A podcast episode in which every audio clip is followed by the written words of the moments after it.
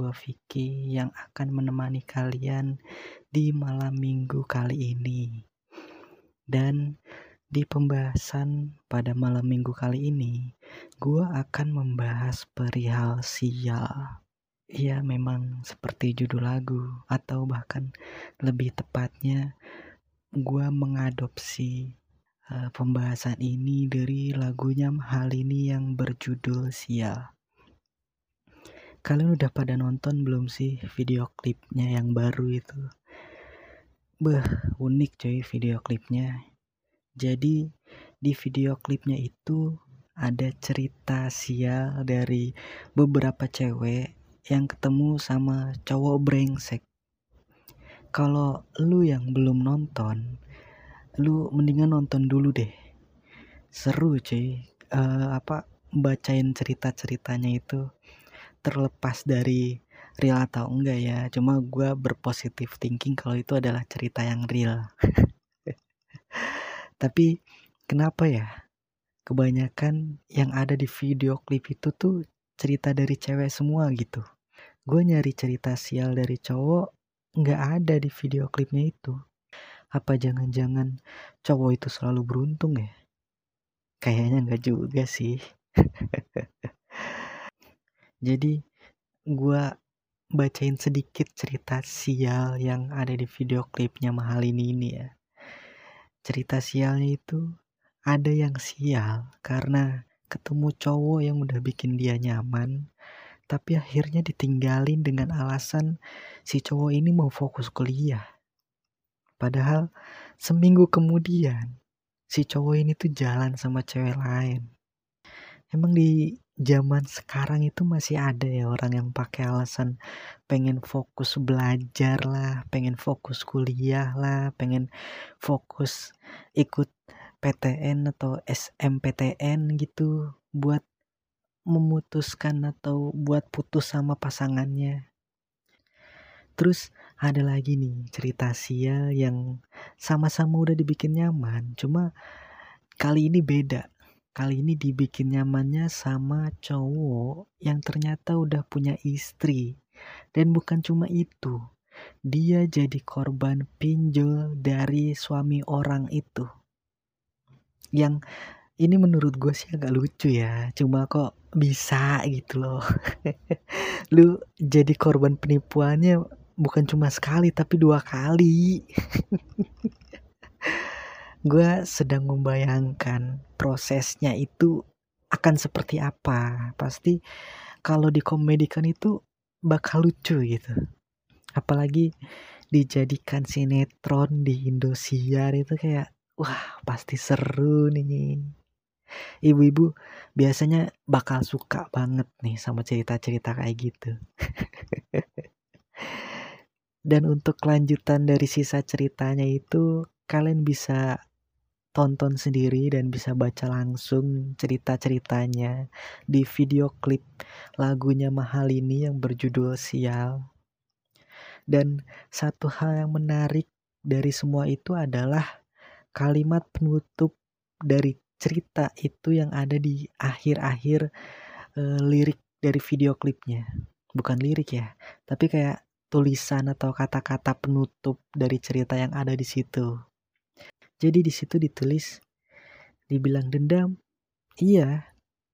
Curang rasanya sakit ini dibalas hanya dengan kata maaf. Kenal kamu adalah sial untukku.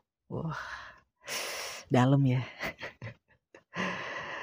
ih kenapa sih cowok tuh sebrengsek itu gitu kok tega gitu loh mempermainkan perasaan seorang wanita udah ngasih harapan udah dibikin terbang melayang tapi akhirnya dihancurkan berkeping-keping. Ih.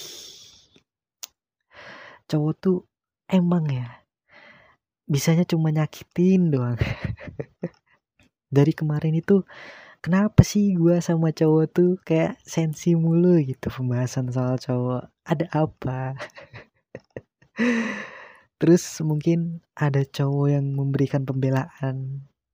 Halah kayak cewek nggak pernah nyakitin aja. Uh, balas dendam. Eh apa? Ya uh, ya gitu. Sial emang ketemu manusia-manusia kayak gini tuh. Yang cowok nyakitin, yang cewek juga nyakitin, semua orang aja nyakitin. Gak ada baiknya sama sekali gitu orang-orang ini. Kenapa sih? Mungkin gitu kali ya contoh ngedumel yang mungkin bisa gue peragakan. Menurut gue, sebenarnya bertemu orang yang salah itu baik loh. Dia bisa mengajarkan kita banyak hal bukan hanya tentang pengkhianatan dan kekecewaan, tapi juga mengajarkan kita jadi lebih dewasa lagi dan pastinya jadi manusia yang lebih baik lagi. Lalu, kenapa kita tidak bisa belajar lebih baik lagi dengan orang yang tepat? Kenapa harus bertemu orang yang salah hanya untuk membuat kita jadi lebih dewasa dan jadi lebih baik lagi? Apa karena kita memang sebenarnya belum sebaik itu untuk bisa dipertemukan dengan cara yang baik juga? Pernah ada yang mikir kayak gitu gak sih selain gua pastinya? Menurut gua, kita itu tidak pernah tahu orang yang tepat untuk kita itu seperti apa. Ada nggak dari kalian yang benar-benar yakin kalau saat ini pasangan kalian itu udah tepat? Gua yakin nih, kita semua selalu yakin kalau pasangan kita adalah orang yang tepat untuk kita. Keyakinan di awal yang memang wajar untuk kita simpulkan. Ah, dia mah tepat banget buat gua. Dia bikin gua jadi lebih baik lagi nih. Dia bikin gua percaya orang setia itu masih ada di dunia ini. Dia pasti cinta sejati gua kenapa nggak dari dulu sih gue ketemu sama dia gitu. Misalkan nih. Terus kemudian dia tiba-tiba berubah 180 derajat. Dan lu nggak pernah menyangka semua itu akan terjadi. Sampai-sampai perubahannya dia itu merubah mindset lu yang tadinya menganggap dia baik menganggap dia segalanya, menganggap dia orang yang tepat, malah berubah jadi menganggap dia sebagai kesialan yang lu terima karena lu ketemu orang yang salah. Dan mungkin untuk sebagian orang yang mengalami itu akan menjadi trauma tersendiri untuk dirinya. Tapi mau sampai kapan terus bersembunyi di balik kata trauma? Lalu sebenarnya lu itu ketemu orang yang tepat atau ketemu orang yang salah sih? Atau memang kita itu hanya terlalu cepat menyimpulkan kalau dia itu orang yang benar-benar tepat? Karena apa yang dia tunjukin selama ini tuh benar-benar semua hal yang baik aja gitu. Pernah nanya gini gak sih ke diri sendiri? Kenapa ya dia yang awalnya baik dan dianggap tepat jadi orang yang salah dan menjadi sial untuk diterima. Dia itu bisa berubah kayak gitu karena kita atau karena memang aslinya dia itu begitu.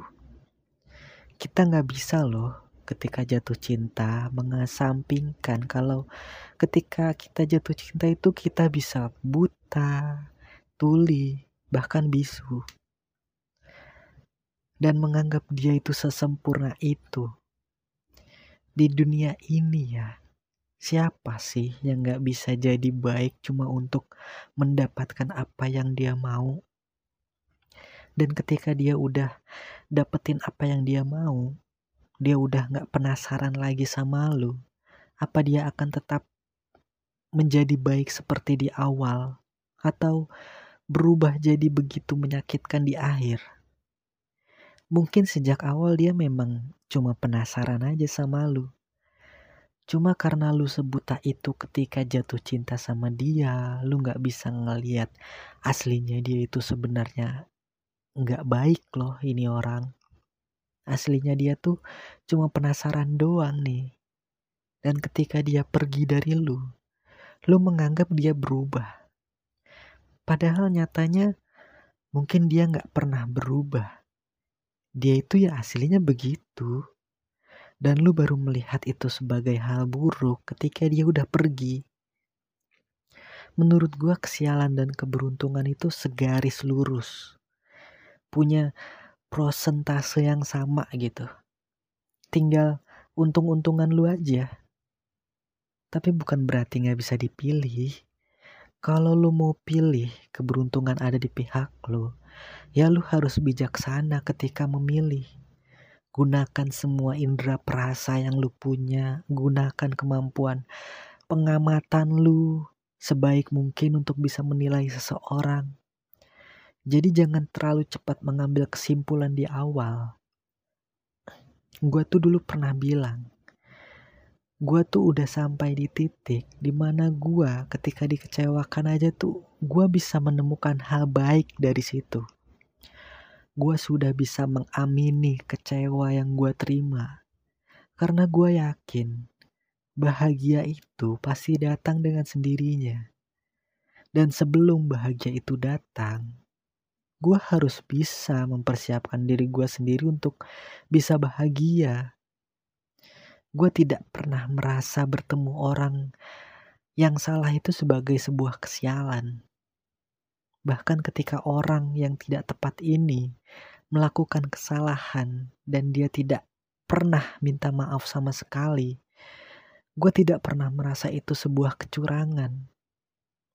Memang benar, ketika kecewa, itu pasti gue akan sedih, galau, bahkan marah.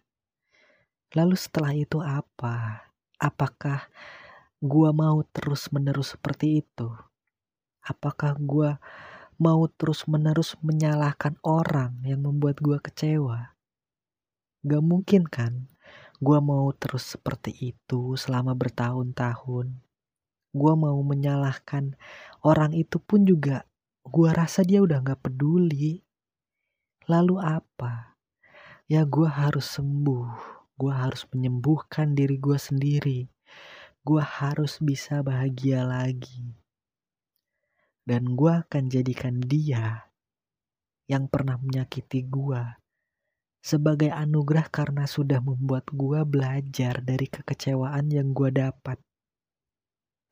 Gue belajar untuk introspeksi diri.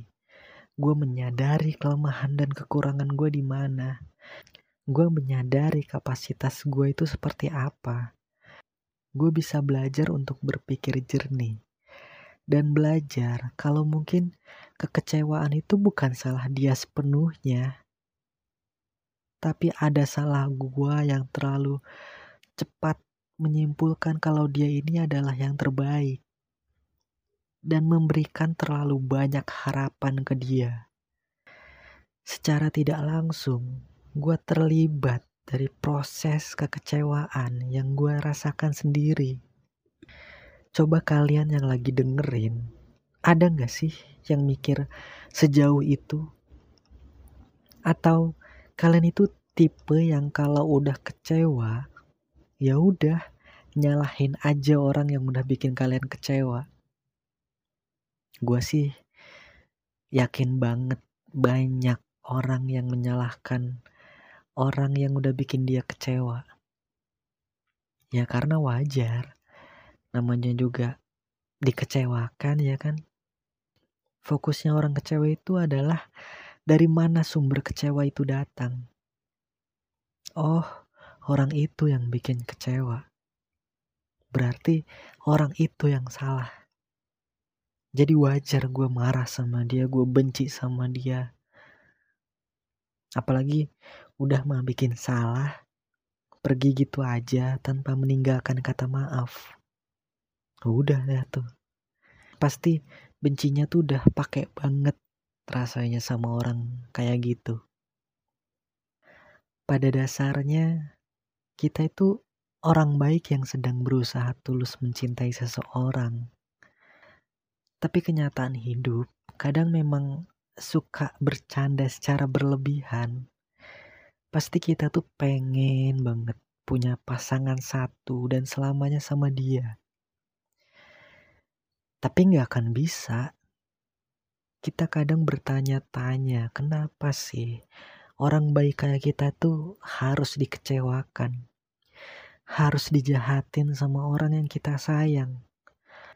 Lalu kita mempertanyakan, apa kesalahan yang sudah kita lakukan sampai orang itu bisa tega mempermainkan perasaan kita? Iya, kita nggak perlu punya kesalahan untuk bisa dikecewakan. Memang orang yang mau bikin kita kecewa peduli kita punya salah atau enggak. Memangnya lu masih butuh alasan untuk merasakan kecewa? Emangnya lu masih menerima alasan ketika lu dikecewakan? Gua rasa apa pun alasannya, ketika lu dikecewakan, kesimpulan lu cuma satu, yaitu orang itu jahat. Jadi nggak perlu alasan kan sebenarnya untuk bisa kecewa.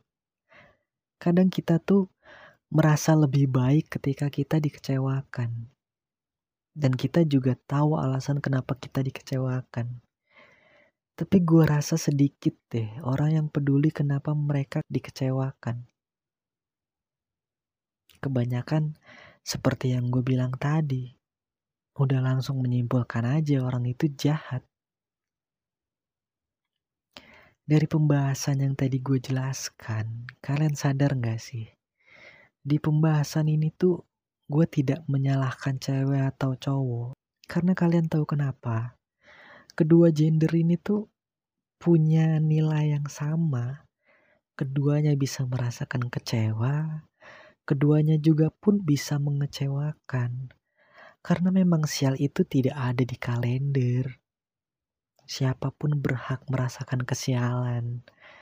Bukannya gue mendoakan ya. Tapi coba deh.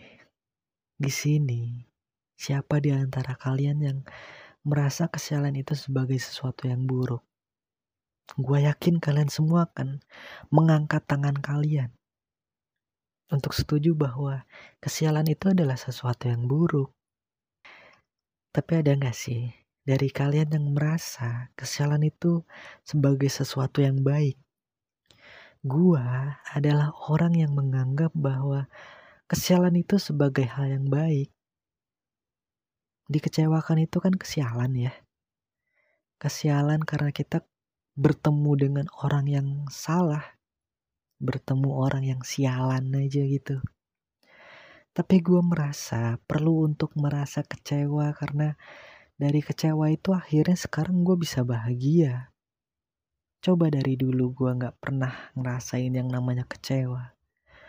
Gue pasti gak bakal mikir kalau gue tuh harus bisa membahagiakan diri gue sendiri. Gue tuh harus bisa menghargai perasaan gue sendiri. Gue tuh harus bisa berdamai dengan masa lalu. Kalau gue nggak pernah ngerasain kecewa dari dulu sampai sekarang pasti gue nggak akan yang namanya gonta-ganti pasangan sama gebetan. Gue pasti akan selalu stay di satu orang yang selalu bikin gue bahagia. Tapi nyatanya kan enggak ya.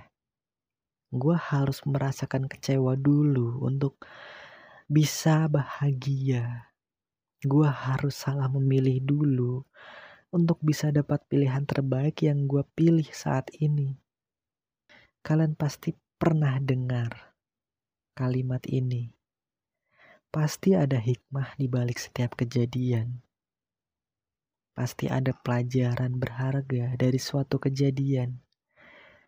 Nah, harusnya selain cuma kecewa dan rasa benci terhadap seseorang, kita tuh harusnya bisa mengambil satu hal lagi dari rasa kecewa itu, yaitu pelajarannya.